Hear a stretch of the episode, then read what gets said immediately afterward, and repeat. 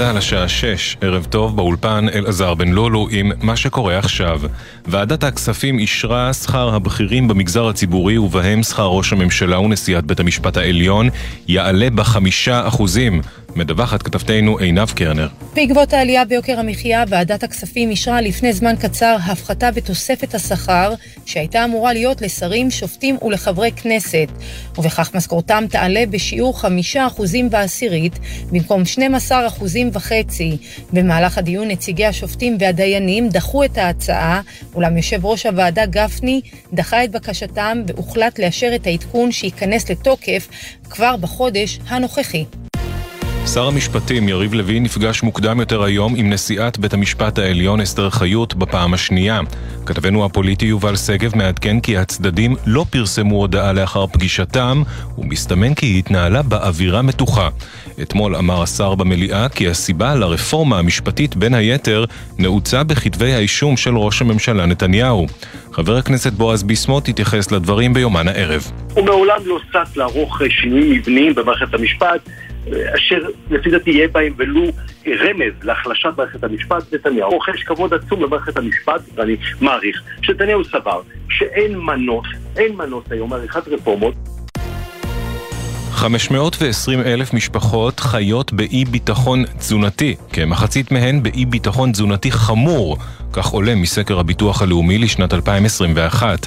הפרופסור רוני סטריאר, יושב ראש המועצה לביטחון תזונתי במשרד הרווחה, אמר לירון וילנסקי, נדרשת התייחסות רצינית לנתונים הללו, וקרא להקמת רשות לאומית למלחמה בעוני. אנשים מעידים על כך שדילגו על ארוחות לפחות פעם או פעמיים בחודש האחרון, ביומיים רצופים ילדים הלכו לבית הספר בלי אוכל, או שהם דיללו באופן מאוד משמעותי את המזון שלהם. זה דבר שהוא בלתי נסבל. כתבתנו לענייני רווחה, מאיה שוקן, מעדכנת כי במחוז הצפון 27% מהתושבים ובמחוז ירושלים 23 חיים באי ביטחון תזונתי וחמישית מהילדים במחוזות אלו חיים באי ביטחון תזונתי מתמשך.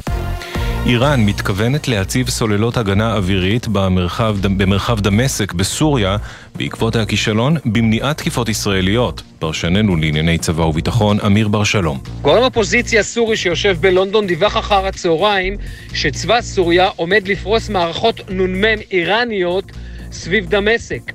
המטרה של מהלך כזה יכולה להיות להצר את צעדי ישראל שמרבה לאחרונה לתקוף משלוחי נשק שנוחתים בנמל התעופה של דמשק.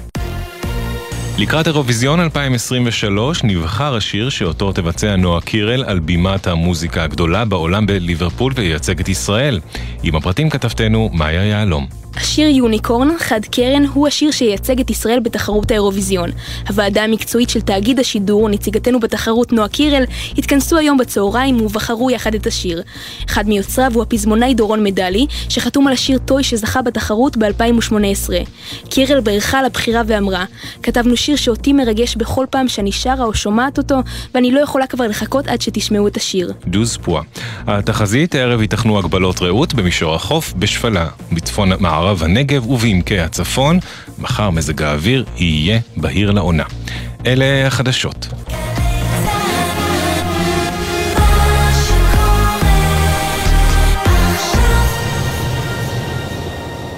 בחסות אוטודיפו, המציעה מצברים לרכב עד השעה תשע בערב בסניפי הרשת, כולל התקנה חינם. כי אין סיבה לשרוף את שישי במוסך. אוטודיפו. עכשיו בגלי צה"ל, עמית תומר ושי ניב עם החיים עצמם.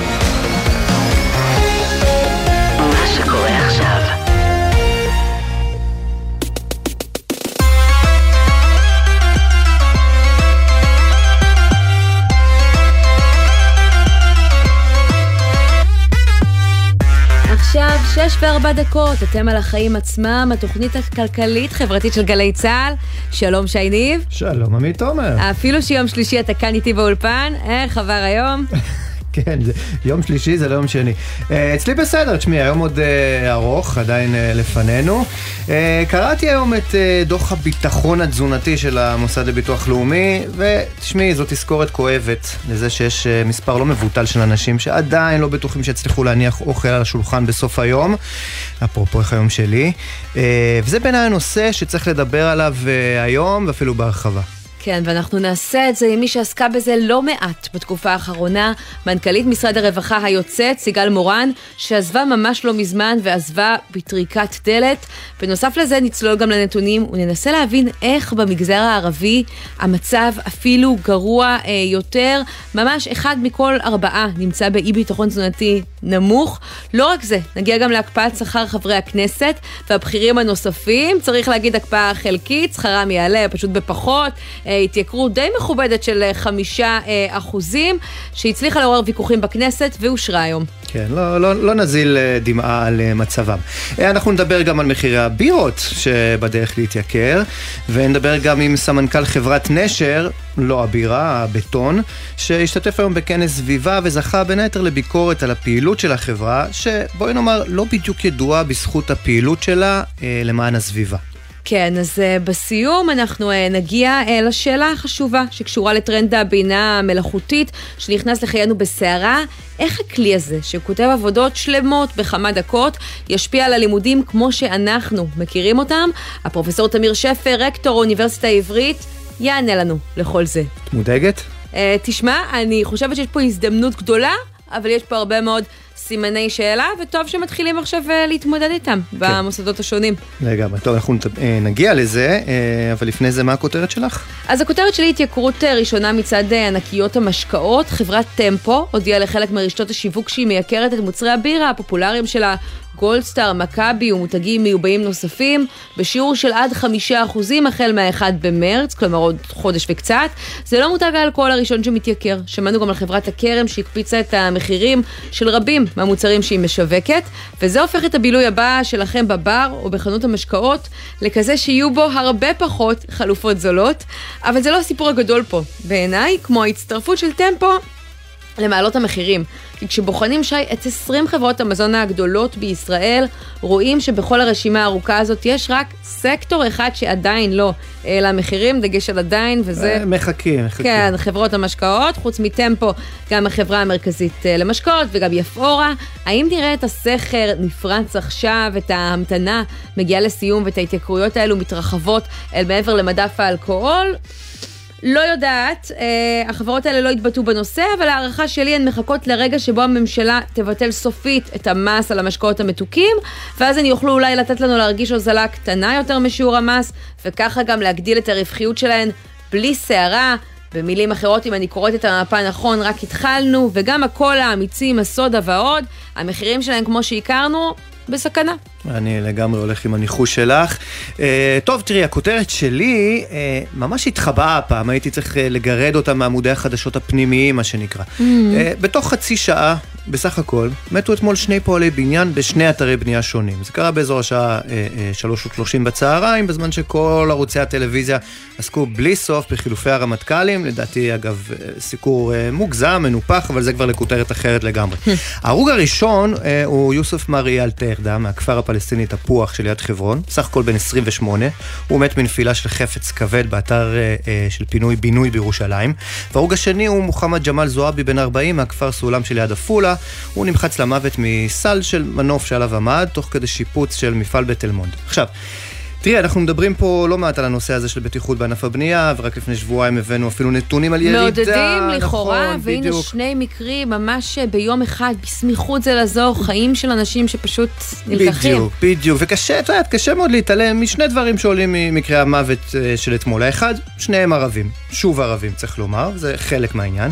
הדבר השני, אה, בשני המקרים אפשר היה למנוע כמובן את המוות, זה מוות מיותר. עכשיו, נכון שזה תמיד הסיפור של תאונות, הן נגרמות ולא סתם קורות ככה מהאוויר, ובכל זאת, כל יום יש לך עובדים של חברת החשמל, למשל, שמטפסים על עמודים גבוהים או על ארובות של תחנות כוח, באמת, בגבהים מטורפים, ואת לא רואה, טפו טפו צריך לומר, כן, את לא רואה מקרי מוות כאלה. עכשיו, אי אפשר להתעלם מזה שבענף הבנייה, חיי האדם זולים יותר. זו התחושה, ומה לעשות, היא גם מגובה במספרים. ועד שלא נסתכל לעובדים האלה בעיניים, ואולי אפילו נחייב קבלנים לתלות, את יודעת מה, לוחות מתכת עם השמות שלהם על כל בניין שבו מת פועל, זה כנראה לא ישתנה לצערי. האמת, רעיון מעולה, אהבתי. אני לא לגמרי מקורי, נדמה לי שהייתה איזו עמותה שהציעה את זה, אה, אבל, אוקיי. אבל לא. הנה, ל- נתתי לך את הקרדיט. בוא נגיד ככה, אין ספק שצריך לעשות יותר, גם להעלות את המודעות וגם לטפל במקרים האלה. זה רק רעיון אחד, אבל הכי חשוב גם למנוע את המקרים האלה לפני שהם קורים. לגמרי. נתחיל? יאללה.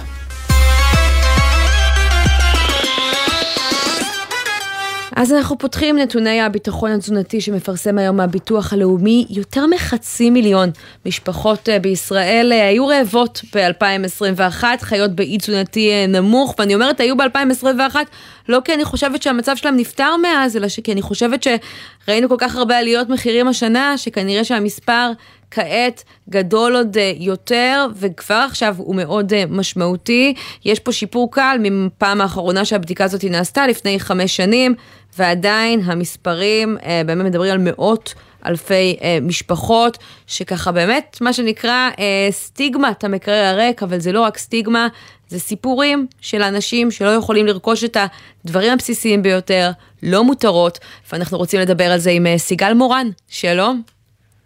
ערב טוב. מנכ"לית משרד הרווחה, עד אה, ממש אה, לפני אה, ככה כמה ימים, עזבת גם בסערה, אבל בואי נדבר רגע על מה שקרה במשמרת שלך, כי הנתונים האלה הם נתוני 2021, ואת קוראת אותם, מה, מה הכותרת שלך בתוכם? קודם כל אני רוצה להגיד שאני דווקא רוצה להסתכל על אה, לא חצי כוס מלאה, אבל על האור שיש בתוך העניין, כי אנחנו נכנסנו באמצע 21 והנתונים אה, אה, מראים איזושהי מגמת השתפרות, ועדיין זה לא בכדי להקל ב- בתמונה. אני רוצה לומר שזה לא בכדי, מכיוון ש... אה, הסיפור של הביטחון התזונתי, מהרגע שנכנסנו למשרד, אה, השר מאיר כהן שם את זה בסדר עדיפות מאוד גבוה, ואנחנו עשינו הרבה מאוד פעולות בעניין. מעבר לזה שהשלשנו את התקציב והוספנו גם בנוסף אה, מיזם מאוד גדול עם קרן הידידות לסיוע לנזקקים. פעם ראשונה בהיסטוריה הכנסנו סיוע גם במזון תינוקות. את אומרת, רוצה לומר- השלשנו את התקציב, ועדיין, בסופו של דבר, הירידה היא משהו כמו 2 אחוזים. באוכלוסייה, נכון. זה אומר שסכומי הכסף שנדרשים כדי, אה, מה שנקרא, לדאוג שלאף אחד לא יהיה מקרר ריק, מה, הם אדירים? זה ריאלי? הם הרבה, הם הרבה יותר גדולים, אה, ואני חושבת שעדיין צריך להגדיל את התקציב, אבל אני רוצה לומר משהו בעניין הזה. תראה, האסטרטגיה שלנו, שאני חייבת להגיד שאני חוששת בהקשר שלה, הייתה אה, לא רק לתת דגים, וצריך לתת דגים, כי אנשים צריכים קודם כל, אה, בהתאם לפירמידת מאסלו, קודם כל לאכול, אבל אה, לתת את זה כחלק מסל מענים כולל. מכיוון שהסיפור הוא לא רק לתת מזון לאנשים, אלא גם לתת להם כלים בכדי לצאת מהמעגל הזה. כלומר, נני, פיתחנו- נגיד אם אנחנו מסתכלים על כרטיסי המזון שגם אה, אה, אה, דוברו עליהם אה, במערכת הבחירות האחרונה, וגם ראינו אותם נכנסים להסכמים הקואליציוניים, אה, אה, נזכיר בין היתר אה, אריה דרעי, אה, זה לא מספיק, זה לא הדבר הנכון לעשות. אני חושבת שאם כל המיליארד שקל, אם אכן יהיו מיליארד שקל אה, שדיבר עליהם אריה דרעי, באמת אה, אה, ילכו רק לכרטיסי מזון, בעיניי זה יהיה פיקשוש מאוד גדול. אני חושבת שצריך להגדיל בצורה משמעותית, דרך אגב בעיניי זה גם טעות לעשות את זה דרך משרד הפנים, אני חושבת שצריך לעשות את זה במשרד הרווחה. למה לא דרך משרד שצריך- הפנים? יש להם אה, מאגר אה, מידע של אה, אוכלוסיות שזכאיות למשל להנחה בארנונה, זה לפחות היה הרציונל של כן, משרד אבל הפנים. אתה, אתה יודע שלדוגמה גם סטודנטים זכאים להנחה בארנונה ולא Mm. כל סטודנט צריך... במיזם הקודם קיבלו לא מעט אנשים ששמחו לקבל אבל לא בהכרח אלה שהיו צריכים.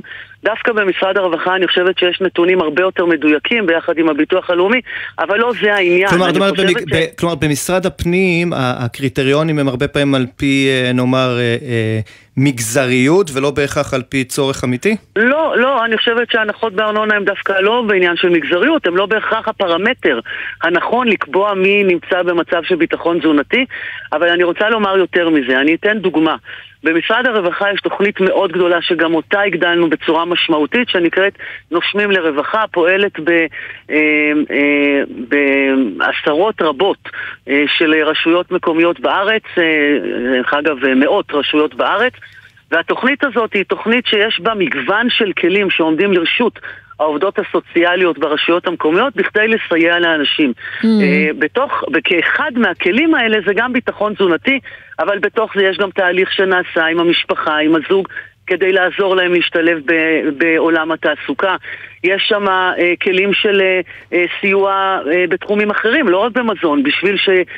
כשמדברים על זה שהמקרר ריק, לפעמים כן. צריך שיהיה את המקרר עצמו. אז את אומרת שעשיתם באמת אחרים. ככה הרבה מהפעולות האלה גם בשנה האחרונה, ומהצד השני ראינו את 2022, שנה של אינפלציה שלא ראינו כמותה 20 שנה, עליות מחירים אה, חדות.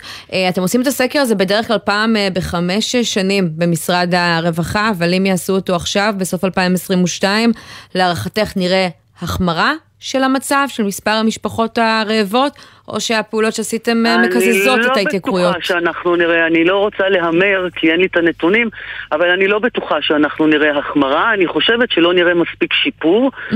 אבל שוב, אין לי את את לפניי, אבל... לא, לא להמר, להעריך מאחר שבסוף אתם האנשים שגם נותנים מענה לאורך השנה לאוכלוסיות האלה. תראה, אני, תראה, אנחנו עדיין מדברים, אני, כשאני מדברת על השלושה, אז אני מדברת מ-10,000 משפחות ל-30,000 משפחות.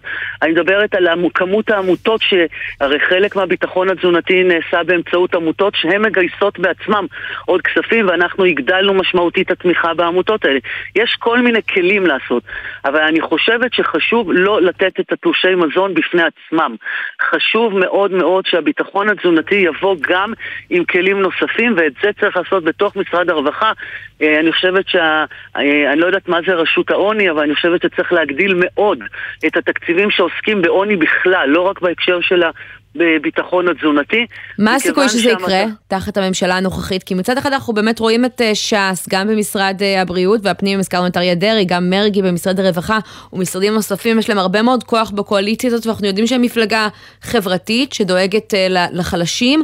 את מרגישה שעכשיו הנושא הזה אולי יילקח יותר ברצינות, שיוקצו לו יותר תקציבים? אני מאוד מקווה, ואני באמת באמת מאחלת להם הצלחה. אני מעריכה שהתקציבים יגדלו, אני מודאגת מהדרך שבה הם יינתנו. מה הכוונה? למה שאמרתי קודם, אני חושבת שלחלק אה, אה, עשרות אלפי כרטיסי מזון כשהם עומדים בפני עצמם, מבלי לגבות אותם בעוד כלים ועוד תמיכה, בכדי שיעזרו, וכמובן לא כולם, יש כאלה שזה למרבה הצער מצב כרוני, mm. אבל יש לא מעט משפחות שאם הם יקבלו את הכלים הנכונים, אז אנחנו לא נצטרך כל השנים לתמוך בהם בארוחות חמות או בתלושי מזון. אבל מצד שני זה כן, מייצר, זה כן מייצר אה, הון פוליטי, ובסוף אנחנו עוסקים פוליטיקאים שמנהלים את המשרדים האלה. נכון, אבל אתם כרגע לא מדברים עם פוליטיקאית ולכן זה ההבדל. לכן אני מתייחס לזה ברמה המקצועית. מה היו השיקולים, השיקולים שבסופו של דבר יכתיבו אם יש שיקולים פוליטיים או לא, זאת שאלה. יש לי חשש שהם יהיו מרכיב בתוך העניין, נגיד את זה ככה. Mm. אבל אני אומרת שוב, אני חושבת שמאוד חשוב ואני מאוד אשמח לראות את התקציבים של הביטחון התזונתי, ולא רק זה, גם של סיוע מסוג אחר, גם של הגדלת התוכניות שעוסקות בעוני. אני אשמח מאוד לראות את התקציבים האלה גדלים בצורה משמעותית. אנחנו הגדלנו, אבל רצינו יותר, נאבקנו כן. על יותר והצלחנו מה שהצלחנו, אבל בדרך הנכונה. תשמעי, אמרת שיקולים אה, פוליטיים, וככה אה, זה אולי מוביל אותנו אה, לשיחה הבאה שתכף ננהל, כי זה הנתון שאותי ואת שי הכי הדאיג, וזה מה שקורה במגזר הערבי. אנחנו רואים שממש יותר מאחד מכל ארבעה אנשים במגזר הערבי נמצא במצב של ביטחון תזונתי נמוך מאוד, כלומר ללא מספיק מזון. אה, וזה אה, מין אה, מקום שנראה שצריך להידרש אליו ביתר שאת, אם זה פער כל כך גדול מהאוכלוסייה הכללית, פי חמישה. מה צריך לעשות ומה הסיכוי שהממשלה הקרובה, שאנחנו רואים אותה באמת דואגת בעיקר בינתיים בהסכמים הקואליציוניים לציבורים שלהם, לציבור החרדי, תעשה את זה. קודם כל, חד משמעית, אה, זה נתונים מדאיגים, ואני משערת שאם היו עושים עוד תת פילוח, היו רואים שהמצב בדרום, אצל ערביי הדרום הוא יותר קשה מאשר אצל ערביי הצפון. אה, אני, אה, אני רוצה לתת סוג אחד של הסבר לעניין הזה, ואני אומרת את זה דווקא לזכות האוכלוסייה החרדית, והאוכלוסייה החרדית הקהילתיות היא הרבה יותר חזקה, פועלות שם לא מעט עמותות וארגונים mm-hmm. שמסייעים גם בתחומים האלה. פחות בחברה הערבית אה, אנחנו רואים את זה. אני חושבת שחייבים, חייבים אה, לטפל טיפול שורש. לא רק בעניין הזה, אלא גם בעניין הזה בחברה הערבית, וכמה הממשלה הזאת תשים בסדר עדיפות גבוה את החברה הערבית, אני חייבת להגיד שאני מודאגת בהקשר הזה. אני מאוד מקווה שלמרות כל ההצהרות, אה, אה, גם הממשלה הזאת, כמו שנהגה הממשלה הנוכחית, אה, תראה את הצרכים של כל האוכלוסיות, לא משנה מי הם. הממשלה הזאת, או לפחות אני יכולה להעיד על משרד הרווחה, דאגה לאוכלוסיות החרדיות לא פחות ולפעמים גם יותר מאשר לאוכלוסיות אחרות. סיגל מורן, אה, מנכ"לית משרד הרווחה הקודמת, אה, תודה שהיית איתנו, והנה גם שומע אותך אה, פריד שהין, מנהל מחלקת הרווחה בעיריית שפרעם, שלום. שלום שלום לכם ולמאזינים. אני יכול להניח שגם אתה מודאג כמו סיגל מורן? אולי יותר? ברור, ברור, ברור, כי מדברים על אחוזים גבוהים שנמצאים באזור הצפון, ובמיוחד הערבים. כן, ואנחנו מדברים על נתונים שהם גבוהים באמת פי חמישה בכל מה שקשור לביטחון התזונתי. איך מתמודדים מול זה? מה, מה צריך לעשות? האמת שכל דבר שאפשר לעשות הוא מבורך. אה, העזרה בביטחון תזונתי ובתלושי מזון היא משהו, אבל זה לא הדבר הגדול. אה, אני מסכים עם אה, המנכ"לית לשעבר של המשרד שלא צריך לתת את הדגה, אלא ללמד את הדג, אלא ללמד את האנשים להחזיק את ההרחקה. ואת זה לא עושים מספיק? לא, כי אנחנו מדברים על מוצר בסיסי שצריך להיות בכל בית. והעזרה היא של פעם בחודש ובסכומים מזעריים שבקושי מכסים את ההוצאות של המזון. אבל תשמע, הפערים הם באמת אדירים. בקרב הערבים מספר האנשים שסובלים מביטחון תזונתי מאוד נמוך, חמור, ממש ככה בלי כל המזון שהם נדרשים לו, גבוה פי חמישה, גם מהמצב אצל היהודים החילונים, גם במצב אצל החרדים. איך מגיעים למצב כזה? פשוט מאוד, כי עניין של שוויון הזדמנויות. אה, בחברה הערבית פשוט אה, מבחינת תעסוקה, מבחינת הכנסה, מבחינת בעלי עסקים, זה כמעט ולא קיים כמו במרכז או במגזר היהודי. במגזר הערבי יש הרבה אה, אנשים שהם חיים על דמי הבטחת הכנסה או אבטלה או נכות. זה משפיע על המזון ועל המצב הכלכלי של המשפחות. אה, מבחינת אה, תעסוקה, כלומר אם תגיע לערבים, אין הרבה, לכפרים הערביים אין הרבה מקומות אה, תעסוקה שאנשים יכולים לעבוד ולהתפרנס, במיוחד נשים. כלומר, ההיצע של מקומות תעסוקה זה מחוץ ליישובים, וזה כרוך בנסיעות וכרוך בזמן רב שהן נעדרות מהבית. ועדיין כשאתה מסתכל למשל, כשאתה מסתכל על המגזר החרדי, אה, אה, שמרבים אה, להשוות אותו, לפעמים לא בצדק, למגזר הערבי, אתה רואה ששם באמת הנתונים הרבה יותר קרובים, נאמר, לאוכלוסייה היהודית הכללית. איך אתה מסביר את הפער הזה מול המגזר הזה? אולי ברמה הקהילתית אפילו. א', כאילו המגזר החרדי, פחות או יותר מבחינת אחוזי לידה, ילודה, הם דומים למגזר הערבי. אבל הם יותר קרובים לחברה היהודית, גם מבחינת תעסוקה ומה שהוסבר קודם. אבל אולי הם גם יודעים, אתה יודע מה, לסייע אולי יותר ברמת נכון, הסולידריות, נכון בצורה של עמותות נכון וגמ"חים.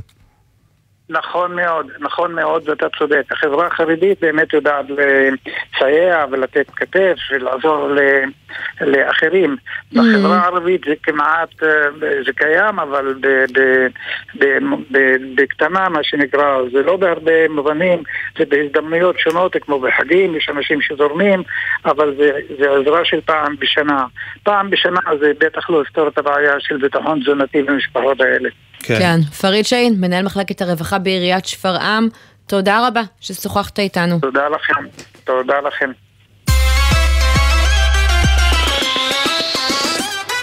עכשיו לשיחות השכר אה, בכנסת היום, אה, בעצם אה, שיחות בוועדות השונות על שכרם של חברי הכנסת סביב השאלה לא האם הוא יעלה, אלא בכמה. בסוף הם מסכמים על הערכה מרוככת של חמישה אחוזים, רק חמישה אחוזים לכאורה, למרות שזה ממש לא מעט. אני לא זוכרת מתי אני או אתה קיבלנו לאחרונה, אני לפחות, העלאת שכר כזאת, אני אדבר בשם עצמי. אני מחריש, אני, לא מדבר על זה. כן, ושחר גליק, כתב התחום הפוליטי, אתה עם הקולות אה, משם, לא מעט אה, דרמה מעוררת ההחלטה הזאת. כן, שלום לשניכם. תראו, אז אה, מה שקורה באמת, אה, זה הדיון הראשון היום בשכר, אה, לפני כל שאר הבכירים במשק. חברי הכנסת מתכנסים לדון בוועדת הכנסת בשכר שלהם עצמם. עכשיו, השכר שלהם אמור להתעדכן מדי שנה בעקבות, אתם יודעים, מדד המחירים לצרכן, ו, ו, ו, ובהתאם להתייקרות המחירים במשק. כן, לכאורה, בשנים... שאתה יודע, השכר של הרבה עובדים, גם במגזר הציבורי, גם מחוצה לו, לא עודכן בהתאם לאינפלציה. כן, בדיוק, אז, אז מה שקרה עכשיו, גם אצלם, גם אצל חברי הכנסת בשנים האחרונות, בגלל uh, הקורונה והתייקרות באופן כללי, ובגלל שזה לא נראה טוב ציבורית, אז בכל פעם הם uh, החליטו ביחד באופן uh, uh, uh, מוסכם על הקפאה של ההעלאה הזו בשלוש השנים האחרונות, ואז עכשיו, אחרי ששלוש שנים בעצם ההעלאה הזו הוקפאה, אז uh, uh, הייתה אמורה להיות באופן אוטומטי העלאה של 12 אחוזים וחצי של השכר, שבעצם משלימה שלוש שנים אחורה את כל ההעלאה הזאת. אז חברי הכנסת אומרים, תראו, אנחנו מקבלים שכר, מקבלים גם את ההעלאה, לא מתלוננים אה, נראה לי, אבל אה, כן מחליטים על אה, למתן את ההעלאה הזו, זו העלאה שהייתה, שכבר נכנסה לתוקף, זאת אומרת אם הוועדת הכנסת לא הייתה מתכנסת היום, כבר... הראשון של ינואר, שייכנס בפברואר, אה, חברי הכנסת היו מקבלים 12 אחוזים וחצי יותר ממה שהם מקבלים היום, שזה אומר 50 אלף שקלים, במקום 45 אלף שקלים שהם קיבלו אה, אה, עד, אה, עד עכשיו, וההחלטה היא לעלות באמת רק ב-5 אחוז נקודה אה, אחת ל-47 אלף שקלים ו-500, זה השכר המעודכן של חברי כנסת, 47 אלף שקלים ו-500 אה, לחודש. Mm-hmm. אה, חלק מחברי הכנסת באמת מתלוננים גם על זה שזה לא עולה מספיק, שצריך להעלות יותר, בין השאר חבר הכנסת בועז ביסמוט אומר, זה השכר הכי נמוך שקיבלתי בשנים האחרונות, אה, שעד עכשיו צריך להזכיר, הוא היה העורך של ישראל היום. מי אמר שאין שכר בעיתונות? שכר גבוה, יפה, יותר מ-47 אלף שקלים. יש לאן לשאוף, כן. שחר. בדיוק, אז בוא נשמע גם את הדברים שאומר אה, חבר הכנסת אה, ינון אזולאי מסיעת ש"ס, שאומר לא צריך להתבייש, אנחנו רוצים העלאה במשכורת, בוא נשמע את הדברים שלו. כנציגי ציבור, לצערי, מסתכלים עלינו בציבור הכללי תשמעו, אתם קודם כל גנבים, אתם גונבים את הקופה, 45 אלף שקל אתם מרוויחים. חבר'ה, אנחנו מכניסים לקופה, לבנק בסופו של דבר קרוב ל-20 אלף שקל. ואפילו לא, בנטו. אז יגידו לך, יש לך פנסיות ויש לך רכבים והכל בסדר. כן, אז הוא מדבר על המס שלוקחים לו ועדיין 47,500 שקלים. זה uh, התנאים, זה השכר uh, החדש של חברי הכנסת. גבוה במיוחד, אבל uh, הם, uh, חלקם רצו לקבל יותר מזה. מי שלא השתתפו בדיון היום בוועדת הכנסת הם חברי האופוזיציה. כולם לא נכחו באירוע, מן הסתם מתוך שיקולי נראות, הם לא רצו שיראו אותם יושבים ומחליטים על כמה להעלות את השכר של עצמם, הם השאירו את הנושא הזה. למרות שראינו בעבר אה, מפלגות כמו יש עתיד למשל, מודיעים אנחנו לא מעוניינים בהעלאה, אנחנו מקפיאים את שכרנו למרות הכל, מה, הם כבר לא בעמדה הזאת? כן, לפחות לא רשמית, הם לא מוציאים הפעם איזושהי הודעה על הקפאת השכר.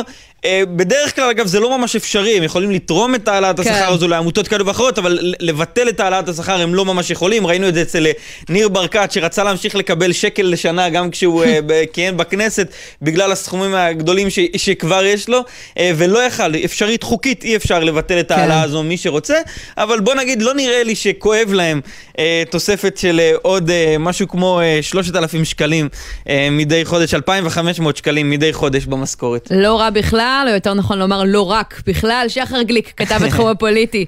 תודה רבה, ואנחנו רוצים לצרף אלינו עכשיו את עינב קרנר, כתבתנו, כדי להבין בעקבות ההעלאה המרוככת הזאת של שכרי חברי הכנסת, מה יקרה עבור שאר בעלי התפקידים הבכירים, שופטים, ראשי ערים וכולי. הם יצטרכו ליישר עכשיו קו?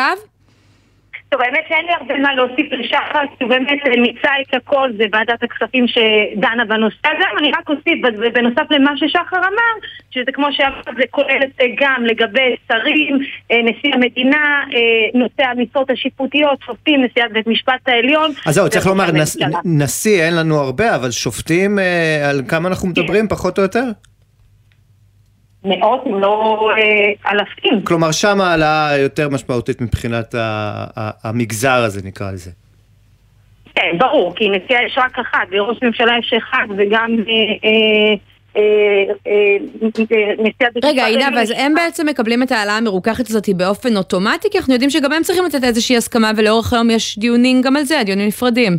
תראו, מה שהיה עכשיו בוועדת כספים זה בדיוק מה ששחר הסביר. זה בדיוק מה שהיה בוועדת הכספים. היו שם נציגים, גם חברי כנסת, אגב, היו גם מהאופוזיציה, למשל, סגן שר האוצר לשעבר, חמד עמר, עמר, שגם היה, אה, והיו עוד כמה חברים מהאופוזיציה. אבל הוועדה הזאת דנה.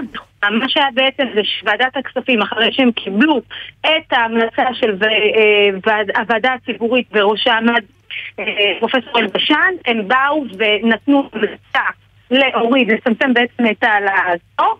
כל אחד בסקטורים הלך ודן ועם הקבוצה הפנימית שלו, למשל השופטים, הדיינים, חברי הכנסת, וכולם הגיעו לדיון הזה, ושם בעצם העלו את הבעד, את הנגד, ולבסוף הוחלט שבאופן גורף כל מי שנמצא בסקטור הזה של שכר הבכירים, mm. ששחר הרחיב עליו קודם, אז בעצם הם יקבלו את ההעלאה הזו. כלומר, לא רק חברי הכנסת, גם יתר בעלי התפקידים שציינת יקבלו העלאת שכר אה, נמוכה ממה שתוכנן אה, בתחילה, mm, ממה נכון. שהיה אמור לפי ההצמדה, עדיין העלאת שכר נאה.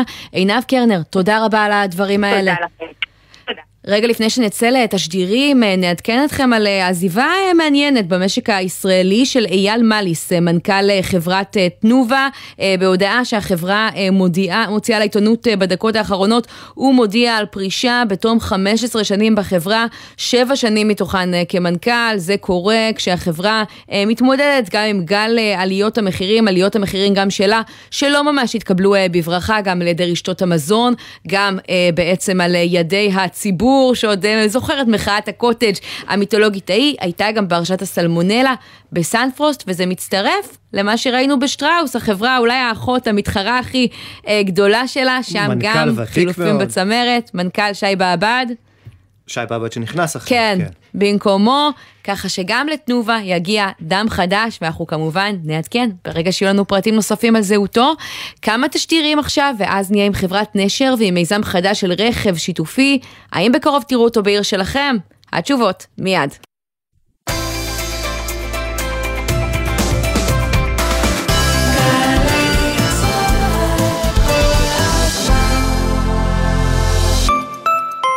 אתן מחפשות שירות לאומי מאתגר, משמעותי ובינלאומי? משרד החוץ מחפש אתכן.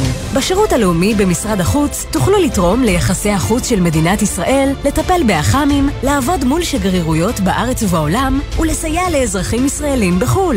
מה מחכה לכן? עשייה במרכז עולם הדיפלומטיה ושירות מרתק ומעשיר. לפרטים נוספים, היכנסו לאתר משרד החוץ. סובבו רגע את כדור הארץ. עצרו.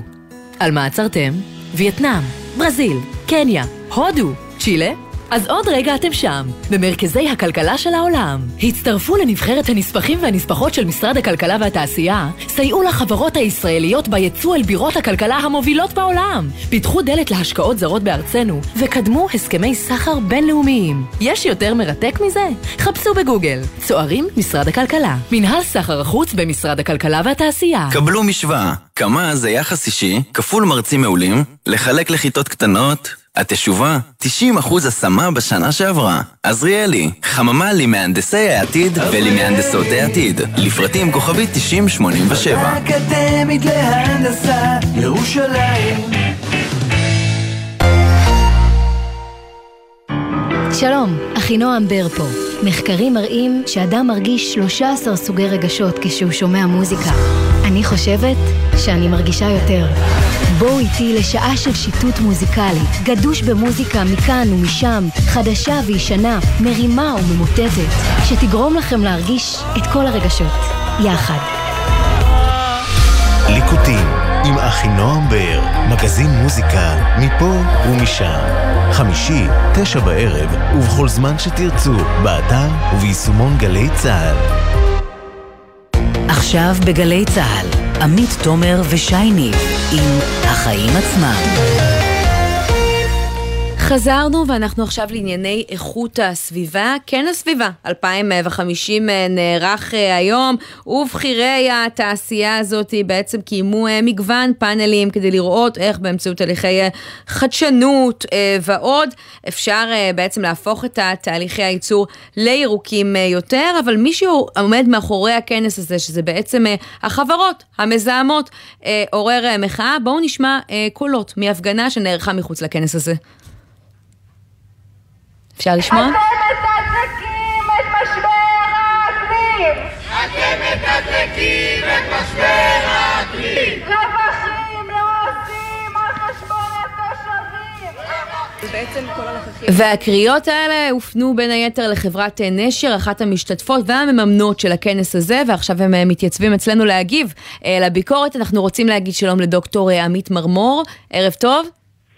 ערב טוב, ערב טוב שי, ערב טוב עמית. סמנכ"ל איכות סביבה וקיימות בחברת נשר, אני חייבת לשאול אותך קודם כל על הטייטל, כי אפילו בו יש איזשהו פרדוקס. הרי נשר בסוף היא, היא, חברה שמה לעשות, עושה דברים חשובים, אבל עושה זיהום בדרך. מה עושה אחראי איכות הסביבה? אז אחראי איכות סביבה וקיימות עושה למעשה שני דברים שונים. א', דואג ומקדם את התעשייה כדי שהיא תפעל בצורה הכי נקייה שיש.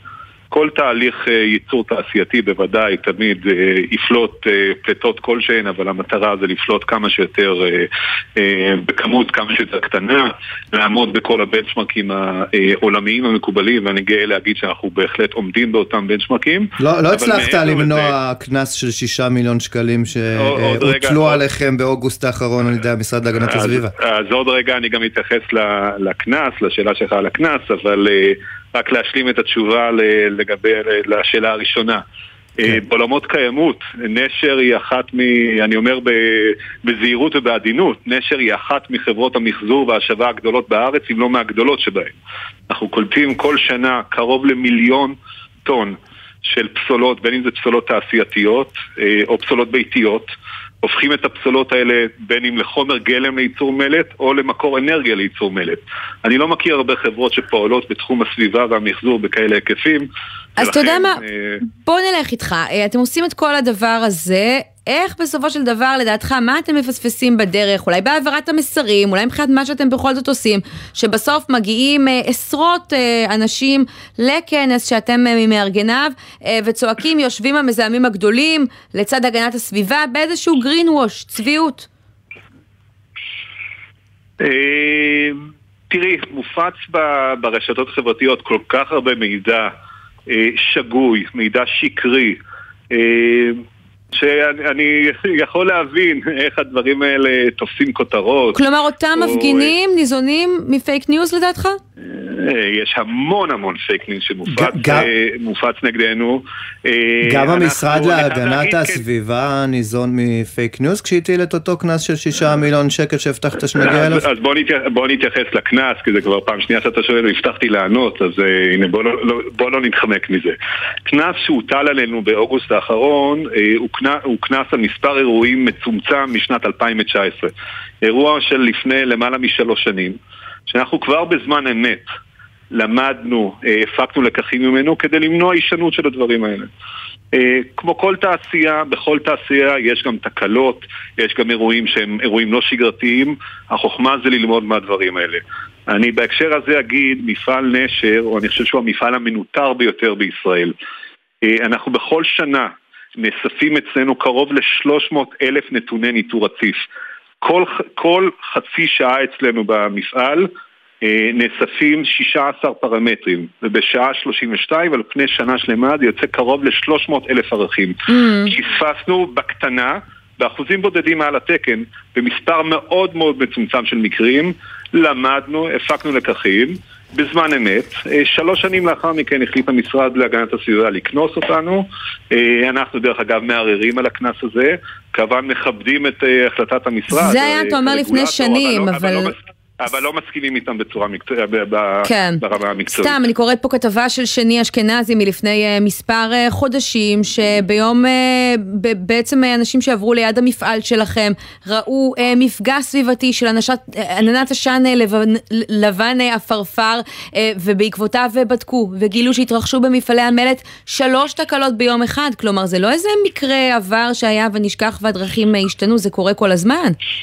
לא, זה לא קורה כל הזמן, צריך להבחין בין, אה, לצורך העניין, חריגות מערך פליטה, שזה היה אה, אותו אה, מקרה שדיברתי עליו מ-2019, לבין מקרה שיכולה להיות בו תקלת ייצור, נגיד פילטר שהפסיק לעבוד, ואנחנו בתור חברה אחראית באותה שנייה עוצרים את התהליך. Mm. אז יכולה להיות פליטה למשך חצי דקה או דקה, ואנחנו גם נמצאים במקום מרכזי על כביש 6, על כביש 1, תוך רגע כולם רואים ומצלמים, וזה בסדר גמור. אה, אבל כחברה... אבל בסופו של דבר גם לתקלות התמימות והקטנות האלה יכולות להיות השלכות אדירות על הבריאות, גם של העובדים שלכם אגב. אז זהו ש, שלא, בוא נשים דברים בפרספקטיבה. Mm.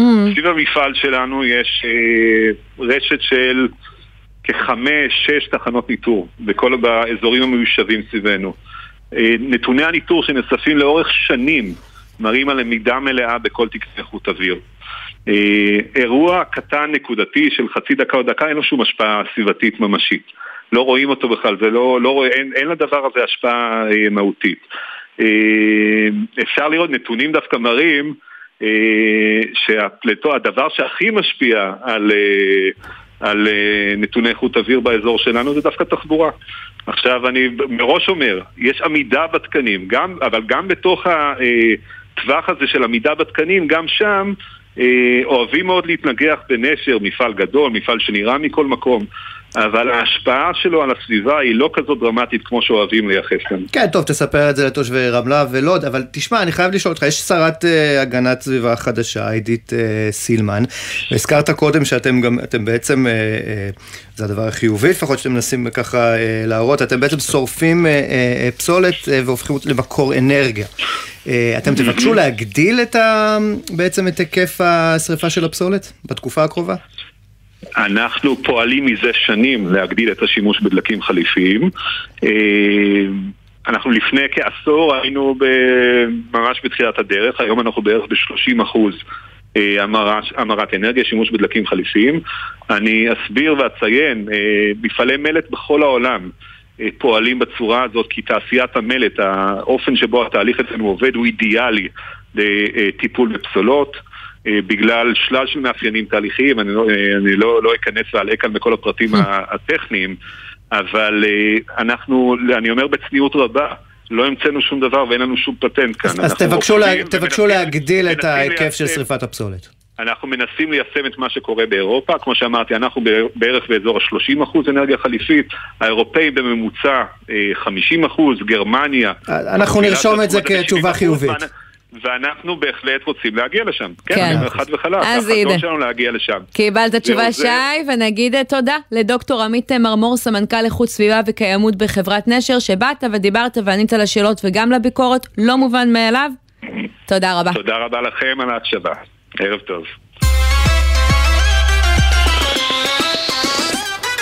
ועכשיו אנחנו לפורום אה, דבוס שנערך אה, ממש בימים אלה. אתה יודע, שי, פעם זה היה מוקד עלייה לרגל של כל אה, בכירי הכלכלה הישראלית, ולא רק, לא, איכשהו... לא הזדמן לי, איכשהו. כן, מאז הקורונה הקרן של האירוע הזה ירד. שר החוץ אלי כהן נמצא שם, נמצא שם לבד ככל שידוע אה, לי, אבל מחקר מאוד מעניין אה, מתפרסם שם, לפיו שני שליש מהכסף שהתווסף להון העולמי הגיע רק לאחוזון העליון, עוד אינדיקציה לכמה שהפערים החברתיים הולכים ומתגברים, ואנחנו רוצים לדבר על זה עם דוקטור מיר, מיקי פלד מקרן אה, ברל כצנלסון, שלום. שלום רב. אז ספר לנו קצת מה גילה המחקר הזה. כן, המחקר הזה גילה לנו ש... שני שליש, בערך 63 אחוז יותר נכון, מההון שהצטבר בשנתיים האחרונות, השנתיים של הקורונה, שכולנו היינו בבתים סגורים, לא עבדנו, התפרנסנו בקושי, יש כאלה שהצליחו בזמן הזה להמשיך לקבל ריביות מאוד יפות אה, על ההשקעות שלהם ו, אה, ולהמשיך לקבל דיבידנדים. ועשירי העולם אה, אה, המשיכו להתעשר, שתי שליש מההון שהתווסף מהעושר שהתווסף בשנתיים הללו הלך לאחוזון העליון. אמ, רגע, אבל מה זה רק לאחוזון העליון? כל השאר נהנו מה... אתה, אתה כופר בתיאוריית החלחול שאם העשירים מתעשרים יותר אז בסוף כולנו מרוויחים? הקטע הוא שלמעשה כבר כולם מפקפקים בתיאוריית החלחול. נכון, רגע, אבל למה? אבל למה? הם הרי משלמים יותר מס, לא ממלאים נכון. לנו את קופת המדינה. כמה אינטרסנטים ששולטים עדיין, בטח ובטח. במשרד האוצר הישראלי. אבל תסביר מה אנחנו מפספסים, כי הרציונל מאחורי התיאוריה הזאת הוא ברור, יש יותר עשירים, יותר כסף, יותר מיסים שמשולמים, יותר שירותים לאזרחים העניים, איפה הכשל פה? הכשל הוא שההון לא מחלחל במלואו. אז נכון, אני, אני עכשיו, לצורך העניין, בסדר? אני עכשיו אדם מאוד מאוד מאוד עשיר, התעשרתי עוד יותר, אני אבנה, אני עכשיו אקח את הגנן שלי אה, פעמיים בשבוע ולא פעם אחת. אז הגנן באמת יתפרנס. אבל ה, כמה שאני מוציא על גנן או על המבורגר או לא משנה על מה, זה כאין וכאפס. לעומת מה שממשיך לשבת לי אז מחלקים לנו פירורים, ובסוף הכסף הגדול נשאר אצלם. גם את, אגב, זה סכנה, סכנה באמת גם לדמוקרטיה עצמה, כי זה משפיע גם על הכוח הפוליטי שאני יכול להחזיק אם אני מולטי מולטי מולטי מיליארדר, כן. אה, ולא חסרים גם בישראל כאלה. עכשיו תשמע, את ה, אה, בעצם אה, נתונים האלה אוספת אה, חברת אה, אוקספם, שזה איזשהו תאגיד בינלאומי אה, למאבק אה, בעוני, והם לא מסתפקים בלשקף את המצב, הם גם אה, נותנים אה, המלצות, כמו אה, להטיל אה, מס אה, גבוה יותר אה, על העשירון אה, העליון. מעניין העיתוי והמקום שבו הם אה, בעצם אה, בוחרים להציג את זה. הפורום הכלכלי של דבוס, אני חושבת שהאנשים שמבקרים הם אה, עיקר המוזמנים לכנס הזה, לא? נכון, וה... והם ניצלו את יחסי הציבור שהכנס הזה נותן במלואם, יאמר לזכות אה, יחסי הציבור של אוקספאם. אבל מה הסיכוי, אני אה, מנסה להבין, שבחדרים האלו תתקבל המלצה כזאת, מס של חמישה אחוז על המיליונרים לא, והמיליארדרים? החברים האלה בסוף לא מחליטים, זה, זה mingling ובעיקר בית מטבחיים לשרימפס, אבל, אה, אבל, אבל, אבל אנחנו כן רואים תחילתו של שינוי, ברגע שאנחנו מדברים על מס חברות גלובלי שממשל ביידן אה, יזם ואמור להיכנס לתוקף ב-2023, או לפחות לקבל אה, boost רציני ב-2023, אנחנו כן רואים כבר שינוי, ממשלות העולם הבינו, וה- והקונצנזוס הכלכלי הבינו, הבין, שחייבים לשנות את הכיוון של הספינה הזאת. ו- ובעיקר לפעול ביחד, כי כשאתה. אומר מס, מס חברות גלובלי, צריך, צריך רגע להסביר, כי היום כל מדינה מפחדת שאם היא תטיל מס על העשירים שלה, הם אה, ככה ייקחו את היאכטה ויפליגו למקום נוח אחר, נכון? בדיוק, ואנחנו במשך שנים היינו באיזה מין מרוץ לתחתית שבו מדינות מתחרות, מי מהן תטיל מיסים יותר נמוכים על, על חברות ותאגידים בינלאומיים, וברוך השם גם אצלנו יש כמה, אה, כדי שהם יבואו ויפתחו אצלם מפעלים, אז נכון, כמה שקלים נכנסים למשק, אבל הרבה יותר נמצאים בתאגידים שם למעלה, ובסוף, בסוף, בסוף, במשחק סכום אפס הזה, אנחנו מפסידים. כן. טוב, אצלנו ממש לא מדברים, עדיין לא מדברים פה על... צריכה להגיע גם לישראל. כן. וישראל לא מדברים עדיין על אה, מס אה, ירושה. דוקטור מיקי פלד, אנחנו חייבים לסיים. קרן ברל כצנלסון, המון תודה שהיית איתנו. תודה רבה.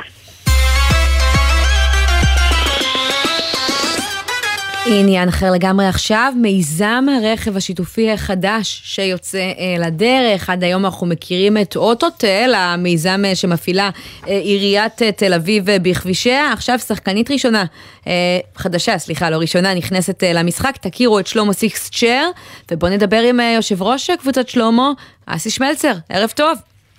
ערב טוב עמית, שי, ערב אז, טוב. אז גם אתם פועלים כרגע רק בתל אביב? אנחנו פועלים כבר אה, למעלה משנתיים בלמעלה מ-80 ערים אה, ויישובים בארץ. בהשכרת רכב, לא ברכב שיתופי. ברכב שיתופי, אה, האפליקציה של שר כבר קיימת שנתיים, ומכרז שהוציא עיריית תל אביב שבו זכינו לפני כחודשיים או שלושה חודשים, והתחלנו להפעיל את השירות. לא, המכרז הזה אמור לתת איזשהו בוסט לפעילות הזו. המכרז אמור לתת בוסט לפעילות, לייצר אה, אה, אה, מה שנקרא גישה אה, קלה יותר. אה, רגע, אז אולי תספר. לנו באיזה ערים אבל אתם כבר פעילים ואיך הולך אה, שם. אני חושב שיהיה הכי פשוט להוריד את האפליקציה ולראות, כי באמת יש כמות גדולה מאוד, אנחנו נמצאים היום בכל הערים הגדולות, כמובן בירושלים, אה, בתל אביב, בכל הערים אה, מסביב למרכז, וגם בפריפריות, אנחנו בדימונה, אנחנו בנתיבות. מה ההבדל נגיד בין הפעילות שלכם לפעילות של car to go נגיד, שזו גם חברה שעושה בעצם אה, פעילות של השכרה לטווח קצר נקרא לזה, אני אגב לא מבין למה קוראים לזה רכב שיתופי. השכרה לטווח קצר, אה, השכרה ליום נאמר, או לכמה שעות, נכון? אתה, לחל... אתה לגמרי צודק, אה, רכב שיתופי אולי קל יותר להגיד, אבל בסופו של דבר אנחנו אה, מאפשרים, המודל שלנו, המודל של הרכב השיתופי הוא השכרת רכב מהירה, תהליך הרישום הוא מהיר מאוד, אתה נכנס, מוריד את האפליקציה, נכנס, אה, מצלם את רישיון הנהיגה, את כרטיס האשראי, נרשם, אין דמי עלות, ומאותו רגע אה, מסתכל במפה, מחפש את הרכב שהכי קרוב אליך, מגיע לרכב, הטלפון מד- פותח את הרכב, נכנס לרכב ומתחיל לנסוע שעה, שעתיים, שלוש, או יום, או כן. איזה תקופה שתבחר. תגיד, אה, כמה לא עובר לקוחות את כל התהליך הארוך הזה. יש לכם כבר, אתה יכול אה, לספר לנו כמה אנשים השתמשו בשירות הזה נניח מאז שהצטרפתם אה, ככה לא במסגרת המכרז אלא ביוזמה שלכם והתחלתם להציע את השירות הזה? אנחנו עם למעלה מעשרת אלפים מנויים רשומים, או subscribers שנרשמו. זה לא הרבה בכל הארץ. אנחנו אה, עברנו, האמת היא שזה זה לא מעט, זה לא מעט, אלה יוזרים שמשתמשים היום אה, אפליקציות בדרך כלל לא מחזיקים בטלפון סתם, רוב היוזרים אה, משתמשים, Mm. הדחיפות היא לפחות פעם ברבעון, וזה עניין של חינוך, אני לא חושב שאפשר לשנות את, ה, את הרגלי הצריכה כל כך מהר. אנחנו משקיעים בזה הרבה מאוד כסף, כי אני באופן אישי מאמין שהטכנולוגיה חייבת להתחבר עם השירותים האלה. אה, ואמורה להיות, אה, אז אמור להיות שירות, שירות אה, ישיר ולא דרך אה, סוכני השכרה וסניפי Mm. השכרה ו- אבל אם אתה אומר הארוך. קשה לשנות הרגלים, ואנחנו עדיין לא רואים את זה ממש תופס ככה בקרב ציבור יותר רחב, לא הרגשתם שדווקא תל אביב, כשיש בה גם את אוטוטל ויש בה את car to go ששי הזכיר, זה שוק רווי ואולי עדיף ללכת למקומות אחרים שבהם אנשים לא מקבלים את השירותים האלה, בפריפריה? אז השירות שלנו, השירות שלנו הוא שונה. אה, אה, אוטוטל אה, הוא בעיקר, או לא בעיקר, הוא רך ורק לנסיעה בתוך העיר בתל אביב, והוא בנוי על זמן. ובגדול מי שנכנס לרכב לא לוקח בחשבון או לא יודע להעריך את הפקקים ולא יודע כמה הוא ישלם בסוף הנסיעה ועדיין בתוך תל אביב. הוא יצא מחוץ לתל אביב הוא ישלם סכום אה, גדול מאוד שהוא במעין קנס. תגיד לי, אם היית, המכירה אם היית צריך לצייר, נאמר, אה, גרף, איך הגרף הזה היה נראה בימי שבת? אבל... קופץ? אני אספר לך עליי, אני אספר לך מה עושה שלמה שר, אז תבין את ההבדל. כן. ברשותכם, דקה. שלמה שר, מה שעירייה דרשה, זה מחיר לשלוש שעות. המחיר הוא 79 שקלים לשלוש שעות, ועוד שקל 20 לכל קילומטר שתיסע. תעשה חשבון או חישוב, אה, תכניס בווייז לאן אתה רוצה לנסוע, תראה כמה קילומטר. יש לך הלוך וחזור. כן, זה הנסיעה בערך נגיד מתל אביב לחיפה יוצא לנו אה, 268 אה, אה, שקלים. יקר. אה, זה כולל את הדלק אגב, נכון? זאת אומרת, זה לא... זה כולל את הדלק, זה ב- כולל את הביטוח, זה כולל השתתפות עצמית או ביטול השתתפות עצמית. אה, אם תיקח מונית, ימי שבת, אני. חייב לשאול אותך, ימי שבת, השימוש מה? קופץ? לוקחים הרבה יותר את הרכבים? לא, מה פתאום? מה, בש- בשום פנים ואופן לא. חשבתי הוא- שזה לא, שזה לא, לא שירות... יותר כסף, יותר אנשים לא, לא, לא, משתמשים יותר בשבת? אנשים משתמשים. יש, אה, יש אה, קפיצה, אנחנו אה, רואים באופן קבוע שיש גידול בכמות ההשכרות בסופי שבוע. בגלל אה, שאין תחבורה ציבורית. בשבת, נגיד המובן מאליו. כן. אין תחבורה ציבורית בשבת, ובאמת יש יותר זמן פנוי, ו- ואפשר לתכנן, בהחלט. אסי שמלצר, יושב ראש קבוצת אה, שלמה סיקסט, תודה רבה על הדברים האלה. תודה לכם, ערב טוב. ועכשיו אנחנו לבינה המלאכותית אה, צ'אט אה, GPT שפרצה לחיינו אה, לאחרונה, כן שי? פשוט חיכית לזה, צריך לומר. לאייטם הזה? לגמרי. או, או לכלי, או לבינה. גם וגם אה, אולי. בהחלט, כן. חיכיתי לאייטם הזה כי אה, אני חושבת שבאמת הדבר הזה מספק הרבה מאוד הזדמנויות, אבל גם הרבה מאוד אתגרים. אחד מהם באקדמיה, אני סטודנטית, גם בן הזוג שלי, אה, והוא ככה אה, דוקטורנט, בכיר ממני בתחום הזה, וכל יום הוא חוזר אה, הביתה עם עוד נהלים חדשים שהאקדמיה ככה ניסתה להתוות מה מותר, מה אסור, כי באמת יש בלאגן שלם עם הדבר הזה כשיש מכשיר שעכשיו חושב אה, במקומך. אז באוניברסיטאות מנסים לעשות סדר ואנחנו רוצים לדבר עם אה, אחד אה, מהן, פרופסור תמיר שפר, רקטור האוניברסיטה העברית. ערב טוב. ערב טוב.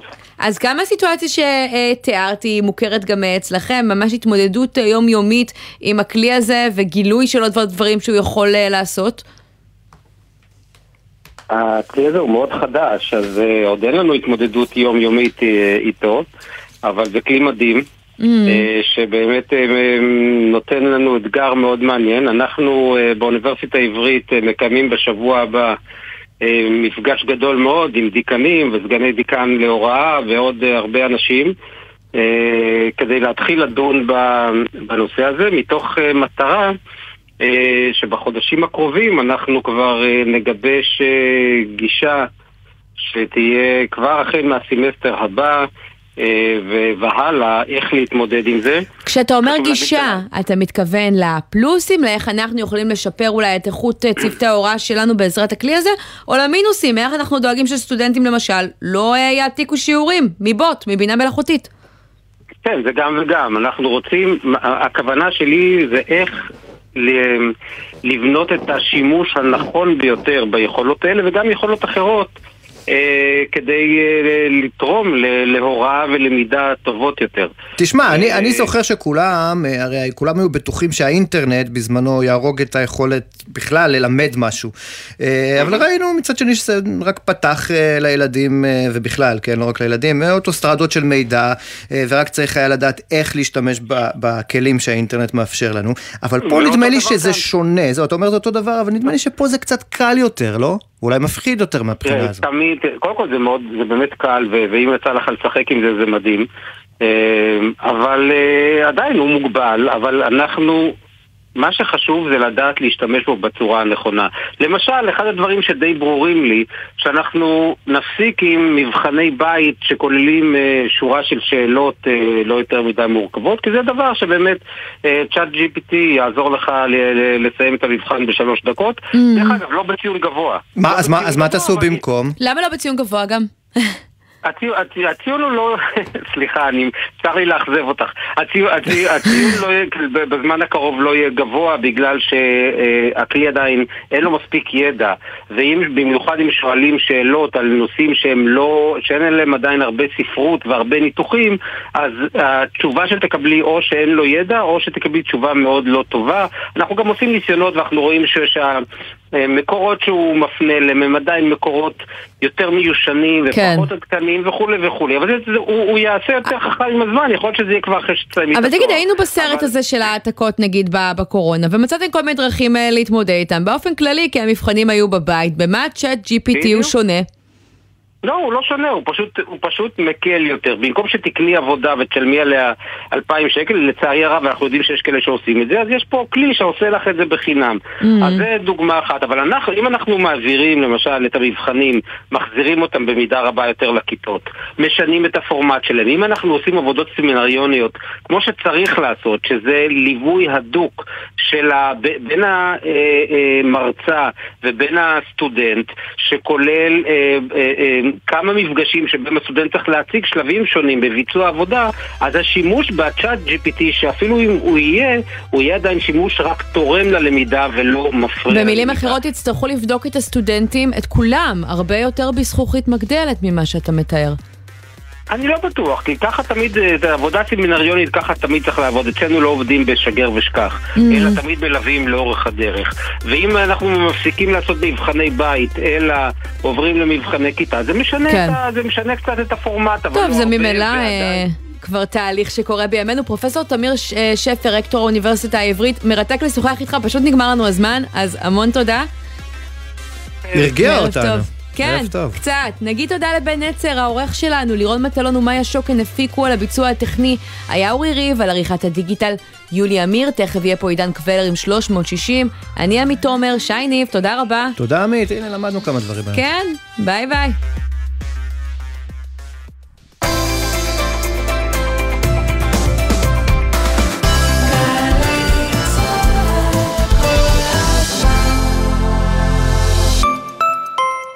מילואימניק, מילואימניקית, הביטוח הלאומי מודה לכם על שירותכם. חשוב שתדעו, אם שירתם במילואים בשנה שעברה ושכרכם עלה, ייתכן שאתם זכאים לתוספת לתגמול המילואים בהתאם לשכרכם מחדש. שימו לב, הביטוח הלאומי משלם את התוספת מ-1 בינואר 2022. לבדיקת זכאות ולהגשת בקשה, היכנסו לאתר. ביטוח לאומי לצדך, ברגעים החשובים של החיים. עתידכם בסמינר הקיבוצים מתחיל עכשיו. אתם מוזמנים ליום הפתוח לתואר ראשון, יום ג' 24 בינואר בשעה 3. לפרטים התקשרו, כוכבית 8085. סמינר הקיבוצים, מכללה מובילה לחינוך ולאומנויות. לא חבל להפסיד את השנה? באוניברסיטה הפתוחה אפשר להתחיל ללמוד עכשיו וגם לקבל 50% הנחה בדמי הרשמה מאוחרת. לפרטים חפשו האוניברסיטה הפתוחה בגוגל או חייגו כוכבית 3500. ההנחה למתעניינים חדשים הנרשמים עד 18 בינואר. קיבלת הודעה בזמן הנהיגה? נניח שאתה בדיוק בטיפול שורש. בטיפול שורש, איש אינו עונה להודעות, ואיש אינו מצפה ממך שתענה להודעות. כך גם בנהיגה, רק הרבה יותר חשוב. כי שימוש בטלפון הנייד בזמן הנהיגה מעלה את הסיכון לטעונה פי עשרה. אז גם בנהיגה, הודעות יכולות לחכות. אם זה דחוף, מתקשרים. הרלב"ד, מחויבים לאנשים שבדרך.